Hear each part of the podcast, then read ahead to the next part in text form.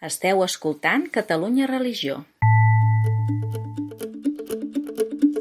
Som dijous 2 de març de 2023 i esteu escoltant la rebotiga de Catalunya Religió, aquest espai de tertúlia i comentari de l'actualitat amb els col·laboradors de la nostra redacció. Saludem avui en Roger Vilaclara, l'Anna Guimarà i en Jordi Llisterri. Com anem? Hola. Hola. Hola, hola. A veure, aquest dijous de, de rebotiga, que, si us sembla, podem començar comentant que hi ha hagut roda de premsa a la sala de família aquesta setmana, amb una mica visió nova de, de presentació de, de memòria, que no és la típica roda de premsa per explicar com avancen les obres i les inversions, sinó que té tota una altra dimensió molt més uh, global i que, i que inclou també dades de, de visitants, d'activitat pastoral, eh, de, vaja, tot el, tot el que es desplega al voltant del temple. Sí? Jordi, comentes una mica que, tu que ho has seguit de, És el- de prop. Sí, és el que expliques tu, que per primera vegada ens han fet una convocatòria no només per parlar de les pedres, sinó per parlar de persones. Mm. És a dir, de tot el que es fa al voltant del temple. Eh, ara anirem molt enllà, eh? però com que la Sagrada Família històricament havia tingut cada any doncs, la col·lecta per construir el temple, que sortia gent al carrer amb guardioles com el Dòmon, doncs eh, això va evolucionar amb el temps, amb una roda de premsa anual doncs, que ens explicaven com anaven les obres i també què es feien al temple, però, però clar, i fins i evidentment les preguntes dels periodistes eren més de quan s'acabarà, de quan puja la torre, de quants metres fa, tot aquest tipus de coses.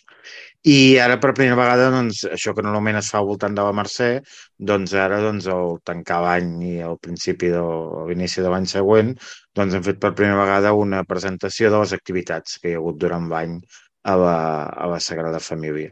I tant les activitats, que això també eren dades que ja donaven cada any, doncs el nombre de turistes que hi han entrat, mm, que això doncs ja també una cosa que ens van explicar, que no s'ha arribat a les, diguem, dades prepandèmia, però que s'hi estan ja aproximant i que això ha permès doncs, recuperar el ritme d'ingressos i, i a poc a poc anar recuperant el ritme d'obres, però també doncs, altres, d'altres coses menys conegudes. Doncs, eh, una cosa que, que des de Catalunya Religió sempre anem, anem fet la so, però que no té la projecció que té el turisme, doncs tot el que ha sigut el culte, les activitats doncs, diocesanes o altres tipus de visites, les activitats educatives, les Mm. visites doncs, a parròquies, les, les visites d'entitats socials, i tot el, el, el, el, el, el petit informe aquest, que és com un, al final és un díptic amb, amb les dades principals, doncs et permet eh, fer una, tenir una visió de què passa al voltant de la Sagrada Família.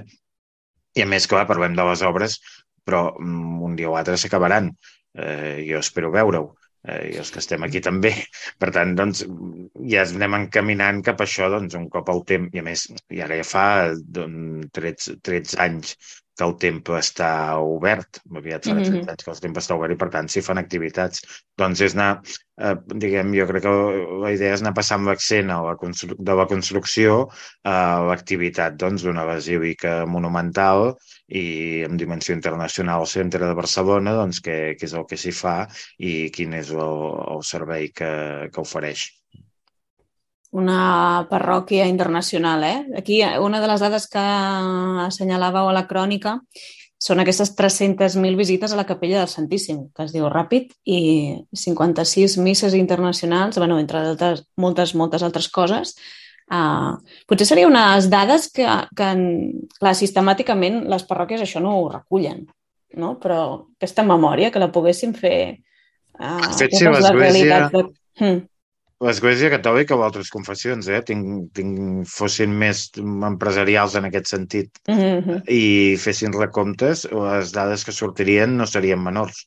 És a dir, poca, digue- hi ha poques institucions en el país que puguin arreplegar un moviment de, numèric de gent com arrepleguen principalment l'Església Catòlica, però també la resta de confessions, fins i tot confessions doncs, més minoritàries, però que tenen un pes important a Catalunya, com el protestantisme o, o tot l'àmbit de l'islam, doncs eh, són molta gent que cada setmana d'una manera o altra s'acosten o, o, o, o, o en moments puntuals de l'any doncs, eh, diguem, acudeixen als serveis i, el, i, el, i, el, i la presència física en llocs de, de, de, les, uh -huh. de, de, les, de les confessions religioses. Sí, però fins i tot que el fet d'agrupar aquestes dades no? i de posar-les així, a, o sigui, recopilar-les un cop l'any, sempre, com en qualsevol projecte, eh? però quan t'atures i veus tot el que es fa, Uh, bueno, això justament és per fer memòria, no? Que si no el dia a dia no te n'adonaries. I quan ho, ho poses i ho llistes, te n'adones que és molt més ric, molt més plural, molt més, no? Um, no sé, que, que, que realment arriba molta gent més enllà del que a vegades demanen els bisbats, que jo crec que simplement és no, que les, les quatre xifres que demanen són més de no, batejos i comunions i dius, bueno, sí, però hi ha molta més cosa, no? I en aquest cas, doncs, eh, tenen eh, múscul institucional per recollir aquestes dades i filtrar-les i mostrar-les maques, però jo crec que és un exercici que, que tothom hauria de poder fer dins el seu àmbit de, mm. no? de, de comunitat religiosa. I és també van... específic. Ui. No, digues, digues, Roger, després ho comento, digues. No, que amb això que deia la Laura, també ells a la, a la roda de premsa també van justificar-ho molt no? o, o fer èmfasi en el fet també com de la transparència, que això també fer aquesta roda de premsa i presentar aquestes dades doncs, també és com un exercici de transparència i de veritat eh, respecte sobre les activitats o el que s'ha fet també a nivell econòmic i, i jo ja a nivell general és cert que va ser una roda de premsa que d'aquestes típiques doncs, que es donen moltes dades i que realment potser haguéssim pogut fer molts titulars o, o bueno, això, no? que, que ens va deixar moltes dades, però sí que és cert que tot i així amb el Jordi ho comentàvem que també es van dir coses que potser desconeixíem o que potser no es diuen prou, com per exemple destacàvem doncs, que la Sagrada Família, per exemple, ens, ens explicaven que, que permet als centres de culte de Barcelona, no només als catòlics, que també, eh, visites gratuïtes dos cops l'any per grups de 20 a 30 persones i que era una proposta que també aquest any em ampliarien com a tots els bisbats catalans. O sigui que són coses que potser no s'expliquen prou i que aquesta roda de premsa també ha permès em, potser això, bueno, el que deia el Jordi també a l'inici, no? Mm, aturar-se un moment i no parlar tant de si la Torre de Jesús, de Jesús pujarà a tres pisos em, com l'activitat que es fa, que un. també... de moment puja un. Eh, mm. Bueno, això. Molt bé. Jordi, anaves a afegir alguna cosa? Que, um, aquí hi havia un tema, quan es va acabar la Sagrada, quan es va cobrir i es va uh, dedicar al temple, hi havia un tema que era i què en farem d'aquesta nau? I això la, la presentació que han fet ja ho comença a respondre. És a dir, hi ha vida en aquesta nau més enllà de ser un atractiu turístic. Mm? I d'altra banda, ara m'ha fet pensar el Roger quan comentava el tema de la transparència, la transparència també de vegades et dona dades curioses. Evidentment, gran part del, dels ingressos es destinen ara a la construcció, ja hi ha una part important a tot el que és, diguem, el funcionament del temple, com o sigui, obrir, obrir la Sagrada Família no és el mateix que obrir una parròquia. Estem parlant d'un complex molt, molt important. No li pots deixar només... la, la, les claus al veí, eh? Per ah, si algú... algú... No, i qüestions de... A més, la Sagrada Família també té una pressió de qüestions de seguretat i tot això, mm -hmm. doncs, que una parròquia normal no té. Mm.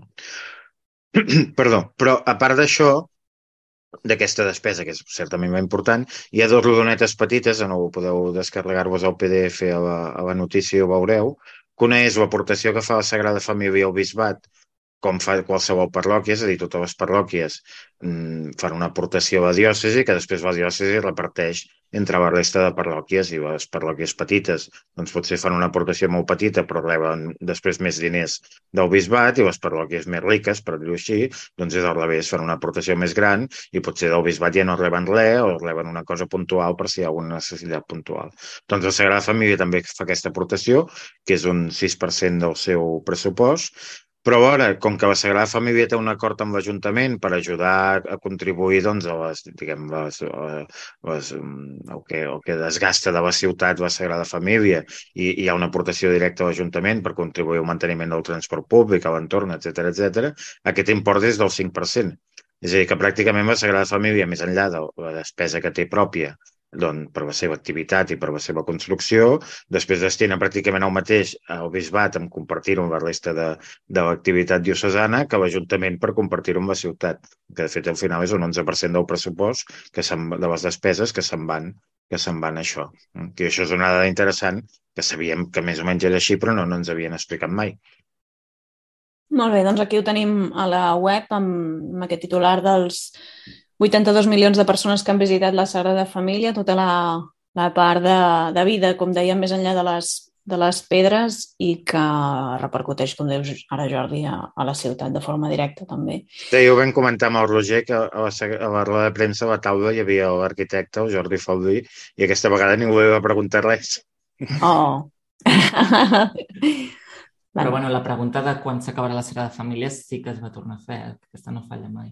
Sí, però ja no, ja no, ja no hi va intervenir. Exacte. Ja van... Molt bé. Escolteu, doncs, uh, si us sembla, seguim endavant amb, amb la rebotiga. Uh, jo crec que hi ha aquest tema que deien també que és ineludible de, um, dins del repàs d'actualitat. Hem tingut un cap de setmana en què l'Església, malauradament, ha tornat a ser notícia per temes doncs, d'abusos a menors amb el amb mossèn Josep Vendrell, que, que va sortir el cas a, a bueno, el país. Diferents mitjans n'han anat parlant, no? n'han anat sortint diferents casos uh, d'aquest capellà que, que havia passat per diferent, algunes parròquies de Barcelona, Caldes d'Estrac, i, i que ens dona una foto d'aquestes que, ostres, penses, no ens n'acabem de sortir. És a dir, què és el que fa falta no? per fer per fer net que es conegui que, evidentment, qui, qui hagi de denunciar, denunciï, però, però que, que es tracti i es treballi no, aquests casos perquè,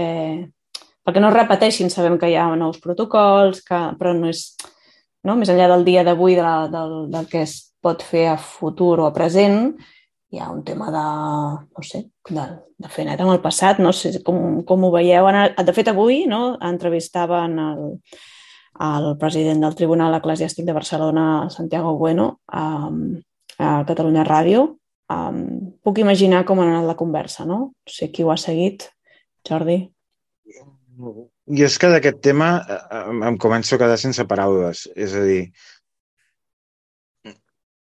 hem situat moltes vegades el problema general dels abusos a l'Església en el seu context, que és el que s'ha de fer, és a dir, no fer presentisme, si tots fem les, si fer de, de lectures de com es feien les coses als anys 60, 70, 80, 90 i si m'estires gaire 2000 en aquest àmbit socialment mm, segurament no, no sobreviuria ningú aquest judici si ho fem amb els criteris d'avui, com en tants altres temes.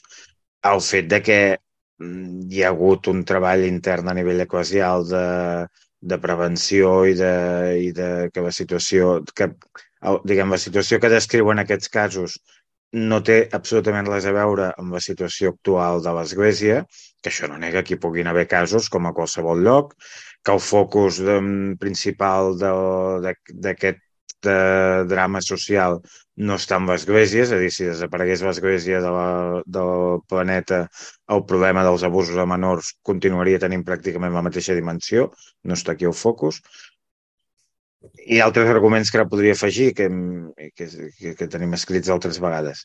Mm -hmm. Però sí que és veritat que de vegades quan apareixen casos et dona la sensació que encara hi anem una mica arrossegant els peus.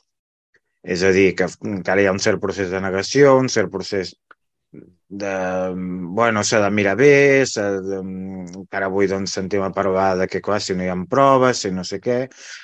A veure, com a criteri general cert, però de vegades responem amb una mentalitat precisament més judicial que no més eh, humana. social, humana, comunicativa i sobretot de coses que eh, certament la majoria són morts i enterrats mm -hmm. i en aquest cas, com que eren menors, excepte les víctimes que són els que ara parlen. Mm -hmm. Un dels testimonis que sortia eh, diu que ell no n'havia parlat mai. Mai, mai, mai. Sí, sí, I era un cas dels anys, ara em puc equivocar, però si no recordo malament, era un cas dels anys 60 bueno, doncs davant d'això, dependentment de, de si hi ha un paper o n'hi ha un altre, mmm, l'actitud doncs, ha de ser això, escolti, doncs, què, què, què vol? Sí que és cert, i això també dona la raó a algun, alguna de les, de les coses que s'han dit, I això és un problema que moltes vegades les víctimes a l'última institució que s'adrecen és a la pròpia església. Mm. Algunes perquè en el seu moment quan ho van fer, si és que ho van fer, van trobar una porta totalment tancada, altres perquè coneixent aquesta experiència no se'n fien i altres potser perquè no, no, no, no s'ha donat prou una, una sensació des de l'Església que certament si una persona que va viure una situació d'aquest tipus s'hi acosta i, i vol d'entrada com a mínim explicar el seu cas, trobarà respostes. Mm? I això encara l'Església no ho ha aconseguit. En alguns àmbits sí, sobretot jo entenc que aquí hi ha hagut una evolució més, més important amb la... tota l'església té tasca educativa, eh? però els que tenen tasca escolar doncs hi ha hagut una evolució més gran i això està molt més, molt més treballat i, els, i tot, el que serveis, tot, tot el que són serveis d'escolta i atenció a la víctima hi és, però sí que és veritat que en altres àmbits eclesials aquest, això encara no s'ha aconseguit. Ja no jutjo si es fa bé o es fa malament. Només dic que la, les persones que han viscut aquest, que han sigut víctimes d'aquestes situacions tenen la percepció que l'Església no escolta i no acull. Que és un mur sí, fred, no? Que no val, hi ha digui, vostè em pot dir sí que ho fa, però si la percepció que tenen no és aquesta, doncs vol dir que encara queda feina per fer. Que alguna cosa falla, no? I a més a més, quan hi ha un papa francès que és tan contundent amb aquest tema, no? i ja la cosa ve de, de, de més enrere i, i s'han fet passes, diguéssim, perquè la institució canvi aquesta manera de fer i que hi hagi no sé, una més gran empatia, no? un, un, un... Jo crec que i això existeix perquè ho sabem, perquè quan hem parlat amb, no, amb diferents uh, organismes que han passat per aquests processos, uh, la mateixa Església se sent també en part víctima d'aquesta situació. És a dir, uh, pot ser un company teu, pot ser algú de casa, però uh, clar, el primer afectat també ets, ets tu, no? com, a, com, com un germà teu. Uh, però això no treu que no s'iniciïn processos, que es denunciï, que es faci la feina que s'ha de fer i que hi hagi una voluntat d'acollida real, que està part més humana, més de... Jo crec que s'ha de ser molt, molt fi amb això i, i el que no ajuda és sentir o imaginar que els periodistes sempre fan feina a, a, bueno, crec que és una feina incòmoda, que l'han de fer, s'ha de fer, s'ha de fer la denúncia, però que es vegi sempre no, el periodista o el mitjà com algú a qui has de rebatre, contrastar i, és a dir, no, no? És com si estigués... Jo a vegades penso que és com si estigués desenfocada la visió d'alguns sectors d'església cap a com s'atenen aquests temes, no? Tampoc t'amagaré que de vegades els mitjans també ho han fet de jutges. Sí, sí, sí, sí, no, no està clar. Eh? Bueno, L'altre dia sentia que, que em posava els pèls de punta amb, no? aquesta formulació de, de que calia reconèixer que l'Església era, era una organització criminal, no? No, ho senties l'altre dia aquest matí quan han sortit els testimonis i això, això per, en aquest cas a Catalunya Ràdio, s'ha sí. tornat a dir, vull dir, això sí, ja, sí. Sí, sí, sí, és un argument... discurs de normalitat. Mm -hmm. que, és, que, és, és molt gros dir això alegrement i a més a més um, no sé, vull que s'hi suma també el context, no? Tenim a nivell parlamentari aquesta comissió d'estudi dels abusos només dins de l'Església, quan Vic i Bernadet, totes les entitats que treballen en aquest marc estan dient que els abusos es produeixen sempre en primer lloc, no? un 80% dels casos dins de la família, com entrem aquí, com es combat això, no? que no siguem miops i anem a veure una cosa que, que jo crec que hi ha una intencionalitat política molt gran de, de trencar això i, i aquí tot s'hi val, no? Però mm, bueno, crec que és, ja entraríem aquí dins de més de la part de discurs mediàtic eh, i de comunicació que no, no crec que hagi de treure força a la feina que s'ha de fer dins l'Església que està, que està pendent. No sé, Roger, Anna, que també esteu per aquí, um, com, com ho veieu vosaltres? No, és que és una... O sigui, jo per la meva part almenys puc, eh, poc més puc afegir que vosaltres, o sigui, re, realment, eh, o sigui, el que, el que heu dit estic d'acord i, i és això, penso que, que, és una, que és un tema molt delicat, que és molt difícil eh, i que també és, és molt difícil com de, de comunicar i, i també és com, bueno, dona la sensació que des de fora pues, potser podem dir s'ha de ser més valent a l'hora de comunicar o de portar aquest tema, però també penso que ha de, fer difícil, ha de ser difícil i, i és una pedra, és una pedra a la sabata eh, i, i, i és, és complicat. Mm -hmm. Ah, no.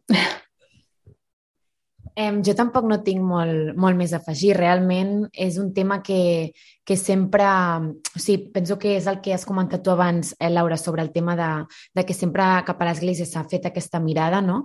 Però, com, com tu bé has dit, eh, el 80% dels abusos que es coneixen són amb l'entorn familiar, no? I a vegades cal també eh, fer aquesta mirada i intentar eh, doncs, no prejutjar tant en, en aquest sentit a l'Església, no? en aquest cas.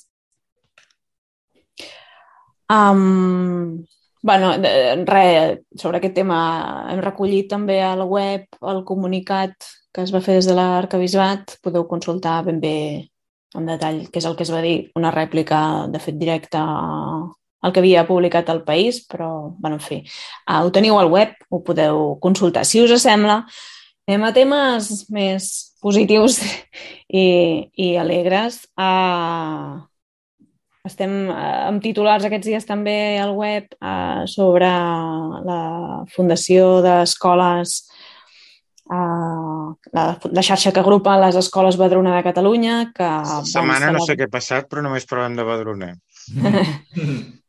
estan, estan molt actius. Uh, dijous no? va, es va celebrar a Vic el Parànims de la Universitat de Vic es va celebrar l'inici de, dels 200 anys de la congregació, que seran d'aquí quatre cursos encara, però cada any faran alguna història diferent mm -hmm. i vaja, hi ha aquest tema i després hi ha també que, com a prèvia, no, anunciar que dissabte se celebra el que en diuen el Global Camp, eh, que és una mostra, una fira de diferents projectes que han, que han estat implementant les escoles de, de tot el país de, de Badruna en relació als ODS, als Objectius de Desenvolupament Sostenible, no? que tenen tot un itinerari, fa temps que hi treballen i no sé per on voleu començar, comentaris. Jordi, tu vas ser a Vic dijous. Pot ser, Anna, que ens expliqués el que es farà això del, del Comencem a futur. Dissabte, però sí. faig, com que ja està escrit, no, que no cal que ho repeteixi, però faig uns comentaris a la, a la presentació dels actes del, del Bicentenari el, el primer és que es va fer una església on que era una capella secularitzada, no sé si això, que en aquella època de Santa Joaquima, fa 200 anys a Vic, doncs, eh, doncs allà era una església i ara ja no ho és. No sé si això ens ha portat alguna reflexió, però ho deixo aquí. I, i la segona, ara que parlàvem de, de, de, del, del que ha portat, i en aquest cas el mal que ha fet gent d'església durant molt de temps en un determinat àmbit, eh, destacar dels 200 anys el bé que ha fet l'Església durant segles en molts àmbits. Eh, mm, Joaquim Abadrón és un personatge excepcional, per la gent que no ho recordi, cal recordar que era mare de cinc fills, si ara no m'equivoco. Set. set, perdó, veus, set fills, i, i després va enviudar, va pujar els fills i després va, fer, va fundar una congregació religiosa bàsicament dedicat a una cosa i estem parlant de principis del segle XVIII, eh, perdó, XIX, ja, no sé quin segle visc, a principis del segle XIX, eh, dedicat a les, a les noies, que en aquell moment era una cosa revolucionària. Una dada que ens van donar que en aquella època hi havia escolaritzat 25.000 nanos a Catalunya, desconec quina part de la població representava això, però intueixo que bastant baixa, perquè també, també llavors la gent eren menys catalans, però la gent tenia més fills, i només 5.000 noies. És a dir, que la poca escolarització que hi havia a sobre era, és com si ara només un, un 20% de les noies anés a l'escola i la resta no hi anés. Mm, semblaria una cosa absolutament mm, fora de lloc. Fora de lloc. I en, canvi, I en aquell moment Santa Joaquima doncs, feia això, mm, promoure l'educació de les noies. I un segon detall que també es va comentar allà, la idea de que um, eren els ajuntaments que cridaven a Santa Joaquima i deien, escolta, tu que tens una, una congregació i ha aquí unes monges i tal, envia'ns dos o tres monges a un poble més perdut del món, al qual Santa Joaquima hi havia d'anar en base, que hi ha una cosa en el llibre que van presentar que, és, que explica molt bé què representava en aquell moment anar de Vic a Cardona, per exemple, o a, o a Girona, que nosaltres pensem, bueno, doncs en mitja hora hi som per l'eix transversal i ara ja no, eh? i en aquella època no. I amb un as en allà, veure què es podia fer i enviar allà dos o tres germanes que el que feien era fundar bàsicament una escola i un hospital. I eren els mateixos ajuntaments que ho demanaven. Evidentment, té una dimensió, de, ara tenim una dimensió de l'educació i de la salut com un dret, i en aquell moment era una cosa purament assistencial i gairebé caritativa, però al final algú feia, i els que ho feien eren aquest tipus d'institucions bueno, mm, dels actes ja ho veureu, però, però a mi em sembla que com a context, i just pel que acabem de parlar, també és important posar els dos plats a la balança. Mm -hmm. Una puntualització del tema de la maternitat de Joaquima, perquè tu has dit quants fills? Has dit... No, jo he dit cinc, però... Tu has dit cinc, jo t'he dit set. Set i no. I ni tampoc. un ni l'altre. Van quedar sis i en havien tingut nou, però en van morir tres en aquella època que que de, era molt habitual que morissin els fills de mort prematura, eh? Però vull dir que no sis recordo fills... amb, amb quin acte em van presentar una descend, un descendent de, de Badrun. De, ah, sí, sí, sí, sí, sí. Que fa molta gràcia ah. conèixer el descendent d'un fundador, d'una fundadora d'una congregació religiosa. Ja passa, sí, sí. Bueno, no, no, passa res. habitualment. La, la... bueno, passa que tenen... No, no clar, de fills algunes hi ha, eh, també. També si anem a èpoques més remotes podem conèixer descendents de papes, però que seria un altre tema. Bueno, i de capellans. Bueno, en fi, va, no seguim per aquí. Ah, sí, prou. Uh, estàvem parlant de Joaquima i de, i de tota la, la força que tenen també no? a nivell institucional i d'escoles i, i com aquesta visió de fer una aportació positiva a la societat, no? allà on hi hagi una necessitat i, i mirar de respondre i des, de, des del compromís també es viu, ara a les aules no? i amb l'entorn més immediat. Anna, tu vas entrevistar la Montse Jiménez, que porta una mica el, la coordinació d'aquest acte de dissabte. Eh, sí, vaig estar parlant amb ella i és això que va comentar una mica, vam estar parlant de que aquest dissabte hi ha el Global Camp, eh, que és una, com has comentat tu molt bé abans, Laura, és això, que és un esdeveniment, una fira en què es presenten més de 70 projectes vinculats eh, directament als ODS i són projectes en els quals també eh, han fet alumnes i, de fet, presentaran també alumnes, que això és un punt més a valorar i realment li dona aquesta, eh, aquest valor més educatiu, no? que els alumnes presentin aquests projectes. Llavors molts d'aquests projectes han estat també vinculats amb, amb moltes entitats socials que hi seran presents aquest dissabte i, i també doncs, són entitats de ser renom, com abans s'ha comentat doncs, la Fundació Vinqui Bernadette també estarà, eh, Open Arms o Greenpeace, entre altres, perquè realment hi haurà moltíssimes. Eh, I, de fet, mm, és un, és un tema que, que, que penso que és això que, que hem comentat, no? que la rellevància, la rellevància social que actualment tenen els ODS és doncs, bastant, bastant xulo, podríem dir, bastant guai, no? que puguin eh, aquesta, aquest, eh, bueno, la, la Fundació Badrona no? ensenyar tots aquests projectes a, no només a les famílies, sinó que també a altres eh, o tota la comunitat educativa. I realment personalment és un tema que, que penso que, que s'ha de valorar i com Badruna podem dir que és com una de les escoles o una xarxa d'escoles pionera en els ODS, doncs també s'ha de, de valorar. De fet, és aquest nexe comú amb la societat, no? d'un llenguatge mm, compartit, no? Quan, quan, et, quan et mous en aquest àmbit eh, és, és fàcil de situar-se. El que passa és que eh, quin pot ser el plus, bueno, de fet hi ha un dels ODS mateix no? que parla que, que aquests objectius s'han de treballar col·lectivament no? Mm -hmm. i per tant té tot el sentit del món que ho facin des d'aquí i que sigui una mostra que, que pugui uh, bueno, il·luminar no? o donar pistes de coses que es poden fer, que a vegades sempre ens quedem amb allò que no, que no va i llavors té molt de sentit que, que s'expliqui el que funciona i, i donar idees i contagiar no? aquest efecte positiu de la comunicació. Jordi, et faig jo la pregunta, Laura, et faig jo la pregunta, que tu que coneixes el món educatiu i que, i que, i que col·labores amb Badrunes, vull dir que saps perfectament aquest món com es mou i què és el que hi ha, si aquesta experiència de, de compartir el, el, el que ha treballat cada institució, cada xarxa educativa, o que, amb, amb, amb la resta de xarxes educatives, institucions, el món educatiu, això és molt habitual o la tendència més havia que cadascú, quan té una cosa bona, diguem, se la queda per ells per poder-la lluir? Mm, jo crec, com en altres àmbits, que um, clar, compartir és més difícil, no? Compartir vol dir um, més feina i estar disposat a fer molta feina i a gastar moltes hores, no? Um, i potser sí, el més habitual és que cadascú faci els seus, organitzi els seus esdeveniments, no? I En aquest cas, parlo sobre concret del d'aquest dissabte, sí que hi haurà representants d'una pila d'entitats um, i d'institucions també educatives, fins i tot dins de l'àmbit d'escola cristiana.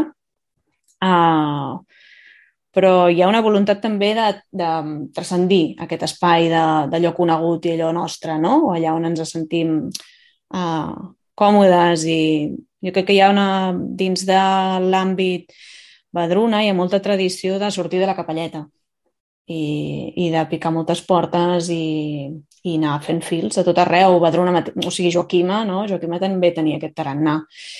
Eh, bueno, I responent a això que deia Jordi, sí, tenim més o menys tradició a nivell d'institucions educatives, jo crec que es van fent passes no? i que, que cada vegada s'anirà més per aquí a sumar i no pas a, a dividir, diguéssim.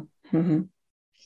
Quan parlaves m'has fet recordar un altre exemple en aquesta línia, que n'hem parlat aquí, que és el que hem fet els maristes, que són els que, un dels que han treballat més tot el que és l'àmbit de la prevenció d'abusos, un altre uh -huh. tema que ara comentàvem, i que mm, fa poc van, van, han editat i posat a disposició de tots els centres educatius, religiosos o no, tot un material educatiu per treballar el tema de, dels abusos amb els alumnes, no només, diguem, no només els protocols i tot això que tots sabem que té l'efecte que té, sinó de com ajudem els alumnes a afrontar aquestes, aquestes situacions si és que s'hi troben, no?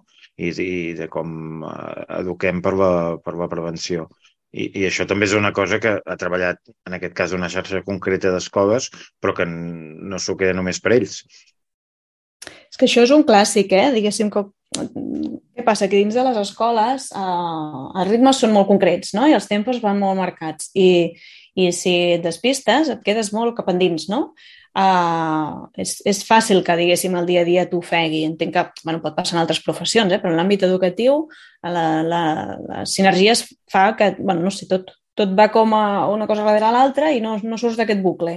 I, I, en canvi, pensar que cal aturar-se, que hi ha moments en els que es pot dialogar i d'allò que en surt, no? o sigui, de la mateixa experiència educativa eh, en surten conclusions que faran que l'endemà treballis d'una manera diferent o que allò que has viscut tu pugui servir a d'altres, eh, jo crec que hauria d'ocupar o sigui, hauria de ser prioritari també, no? I que no, no es deixi per allò típic de que l'urgent es menja l'important, no? Però uh, que, que hi hagi, que, que es puguin bloquejar aquests espais, perquè fa que sigui alguna, que, que puguis oferir al sistema educatiu alguna cosa de qualitat que si no, no, no quedaria allà perduda o, o el que dèiem, no? o per tu mateix, però que no transcendeix. No? I l'educació, bàsicament, ha de ser ha de servir per, per transformar, però no transformar perquè sí, no? sinó per, perquè el món vagi caminant cap a una cosa doncs, on no? hi hagi una millor convivència i, i, i la gent tingui àmbits doncs, per,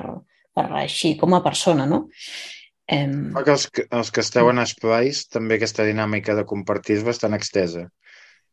Sí, jo ara pensava, mentre parlava la Laura, també penso que amb aquest tema de compartir experiències, que sí que és cert que penso que és una dinàmica que s'està agafant ara, ara també em sortia a pensar en, en un projecte que vam parlar l'any passat també a Catalunya Religió de l'art i de la sostenibilitat a la nau mm -hmm. amb les escoles FEDAC, em, el que pensava també és que, a més de tenir com aquest, aquest, o aquestes ganes de compartir-ho, també hi ha una part de, de les altres escoles o les altres entitats, si parlem també d'esplais, de tenir el temps per escoltar les altres propostes o per o per voler rebre com aquestes idees que se't comparteixen, no? que això també de vegades em, és difícil. Vull dir, si tu mm, mostres o, o organitzes una cosa per ensenyar a la resta d'entitats, però la resta d'entitats no, no tenen aquest, aquest temps o, o aquesta mm, intenció no? o no poden escoltar això, no? doncs, o sigui, també està allà. Vull dir que també hi ha una part de,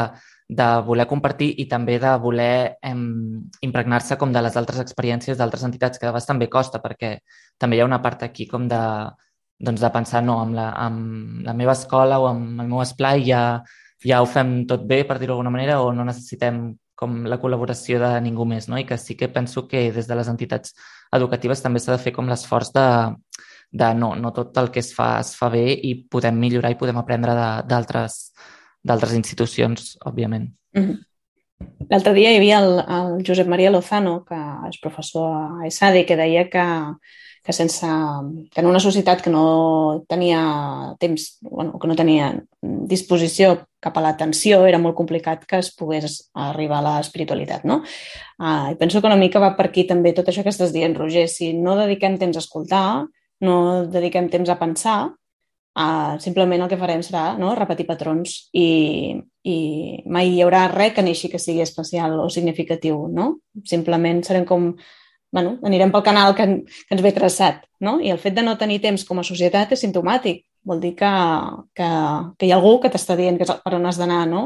I, en canvi, bueno, també en parlàvem l'altre dia a Montserrat, que hi havia una trobada organitzada per la Universitat Catalana d'Estiu, no? I, i va demanar de parlar d'espiritualitat i, jo crec que una part de l'anàlisi que es feia era aquest, de dir Mm, si no dediquem temps no? a muscular, en aquest cas, doncs una dimensió interior, no? que vol dir que, que tu et blindes uns espais de qualitat perquè creus que allò és important, hi haurà coses que no, no, no passaran mai, no? No, no arribaràs mai a, experimentar mm, bueno, una mena de, de, de consciència de les coses que fas, de la vida que tens, no? de les opcions que tries les relacions que, que, que vius, eh, el que t'aporten les altres persones, no? En fi, jo crec que és com un matís de qualitat vital que passa pel temps i per l'escolta, segur, segur. De fet, aquest és el tema, i ara que faig la minifalca, que, que va lligat, crec que és el tema de la jornada de Sant Jordi del mes de novembre, ja us ho podeu guardar a l'agenda, quan s'anunciï, uh, uh, la jornada de Sant Jordi que anirà sobre el tema de l'escolta i el diàleg. Mm.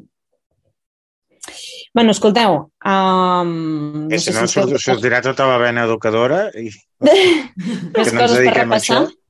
Fem potser el repàs als articles més llegits de la setmana, sí, Roger? Doncs sí, aquesta setmana l'article més llegit és un dels articles de, de la sèrie que estem publicant aquests dies pels 10 anys de Papa Francesc, en concret és un article en què parlàvem de, del Papa i la realitat nacional catalana, una mica de la relació eh, del Papa amb, amb Catalunya. El segon article més llegit és la notícia que Francesc Torralba era nomenat membre del Dicasteri per la Cultura i l'Educació. En tercer lloc hi tenim la notícia sobre del que ara parlàvem de l'acte que es va fer d'obertura de la celebració dels 200 anys de les escoles Badruna. En quart lloc hi tenim un article també de la sèrie del papa dels 10 anys eh, sobre la vida consagrada, la vida religiosa i la visió esperançada del papa Francesc. I en cinquè lloc hi tenim l'entrevista que vam fer després d'un any de guerra a Ucraïna que en vam parlar la passada rebotiga. Molt bé. Uh, si algú vol fer algun comentari d'algun d'aquests temes. Si no, fem una prèvia ràpida abans de tancar, si us sembla, perquè hi ha la coordinadora de dones, el Sembla Veu, amb tot aquest marc de moviment, uh, diguéssim, feminista dins de l'Església catalana, que aquest diumenge fa convocatòria, um, altre cop, uh, a peu de carrer, uh, davant de la Catedral de Barcelona, en aquest cas, amb el lema Les dones caminem juntes vers la dignitat i la igualtat de a l'Església i que serà una trobada emmarcada amb un símbol, un símbol de les, de les sabates. Les manifestants portaran uh, sabates diferents i demanaran doncs, que l'Església Catòlica es posi la seva pell i camini amb les seves sabates, amb les sabates de dona, no? Tot el que implica um, que hi hagi, diuen, doncs, no? Aquesta, que les dones siguin incapaces de, de decidir o que no se'ls negui la capacitat de decidir, que se'ls negui la paraula, no? el fet de poder viure en plenitud la seva vocació, etc. No? I amb, amb un tema específic, que és que aquest any eh, venen de tot un treball previ a nivell internacional, del Sínode Internacional de, de Dones que organitza el Catholic Women's Council i que ha agrupat, bueno, s'han fet una feinada de por d'escolta i diàleg una seixantena de col·lectius de dones d'arreu del món, no? I, I una mica n'havíem parlat i havíem publicat les conclusions, però de fons no, la música era que, que no, no sentien que, particip, que, que poguessin participar de forma plena en tots els àmbits de, de l'Església no? i que feia, una falta, feia falta tot un treball de, això de acabar i rebutjar amb la violència a qualsevol nivell no? i que hi hagués també demanaven transparència en tots els processos eclesials, no? que això també va lligat amb allò que, amb el que començàvem de la Sagrada Família, del que vol dir recollir el que es fa i com es fa, etc. Jordi. Coses d'aquest tema. El... Però aquí veníem d'una cosa que en el seu moment va anar quedant molt amortiguada, que era el col·lectiu de dones amb l'Església, que va tenir repercussió en el seu moment, però que va anar com decaient com a moviment i que per potser en un moment determinat va quedar molt focalitzat en el tema de l'ordenació de les dones, que evidentment és un tema que s'ha d'afrontar, però no és el tema. Eh, i jo, jo, jo que veig que ha aconseguit el, tot el, quan han, va haver una mica d'aquesta tradició, però quan han doncs, eh, eh, tornat a, a plantejar tot això des del col·lectiu El Sem la Veu és d'una banda que al voltant del 8 de març, que s'està convertint en una data molt significativa per tots els moviments socials i per tota la, la repercussió que té, també hi hagués el punt de les dones i l'Església, i alhora que el, el, el tema de les dones i l'Església no es plantegés com una qüestió purament de, un, de només del sacrament, de, de, de l'ordenació, eh, o només de, de quina cadira ocupes, sinó molt més enllà, no? que al final, doncs, eh, si la societat, les dones són el 50% aproximadament a l'església possiblement són el 80 i per tant no, en canvi la visibilitat, la manera de funcionar, l'estructura, tot això no respon a aquesta, a aquesta realitat. No? Doncs eh, haver aconseguit això amb els ara 3-4 anys i amb, i amb el, la pandèmia entremig i tot això, jo crec que és un, una, una fita important. Jo crec que han aconseguit eh, posar no, sobre la taula un tema de conversa que és indiscutible que s'ha d'abordar i, i canviar un cert marc mental. Eh? Una vegada un, un religiós em deia és que ara quan fem les celebracions no, ja no les vist diferents. Estem a l'altar i tots els concelebrants són homes, penso, on som, no? I, I ha estat tota la vida així, però fins ara Uh, no vol dir que sigui una persona que, que no sigui oberta, conciliadora, que no faci participar tothom sempre que pot, però mm, bueno, no? aquest moviment ha aconseguit generar incomoditat amb coses que es donaven per fet. No? I, i bueno, si serveix per, per anar avançant i empenyent, jo crec que és un camí de molt llarg recorregut i doncs, des d'aquí també a nivell ja més, més particular no? encoratjar-les i, i, i que, que aconsegueixin mantenir-se fermes perquè bueno, i que aconsegueixin doncs, això, no? que, que en aquestes manifestacions també hi hagi homes, que n'hi ha pocs, però n'hi ha, i, i que evidentment aquest és un camí que no poden fer soles.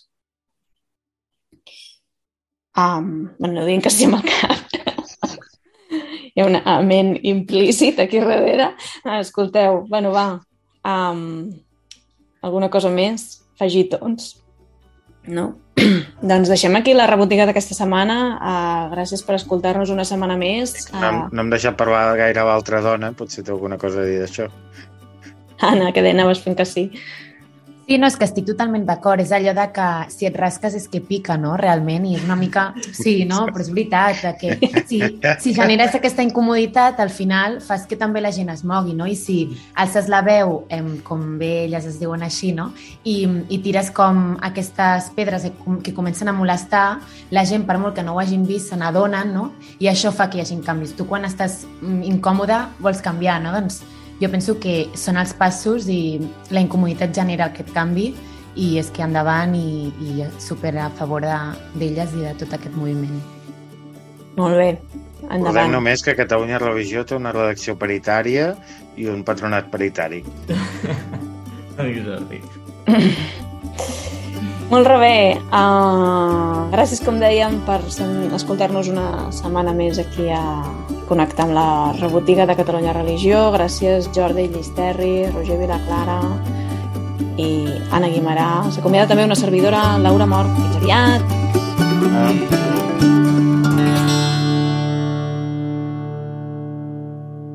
Catalunya Religió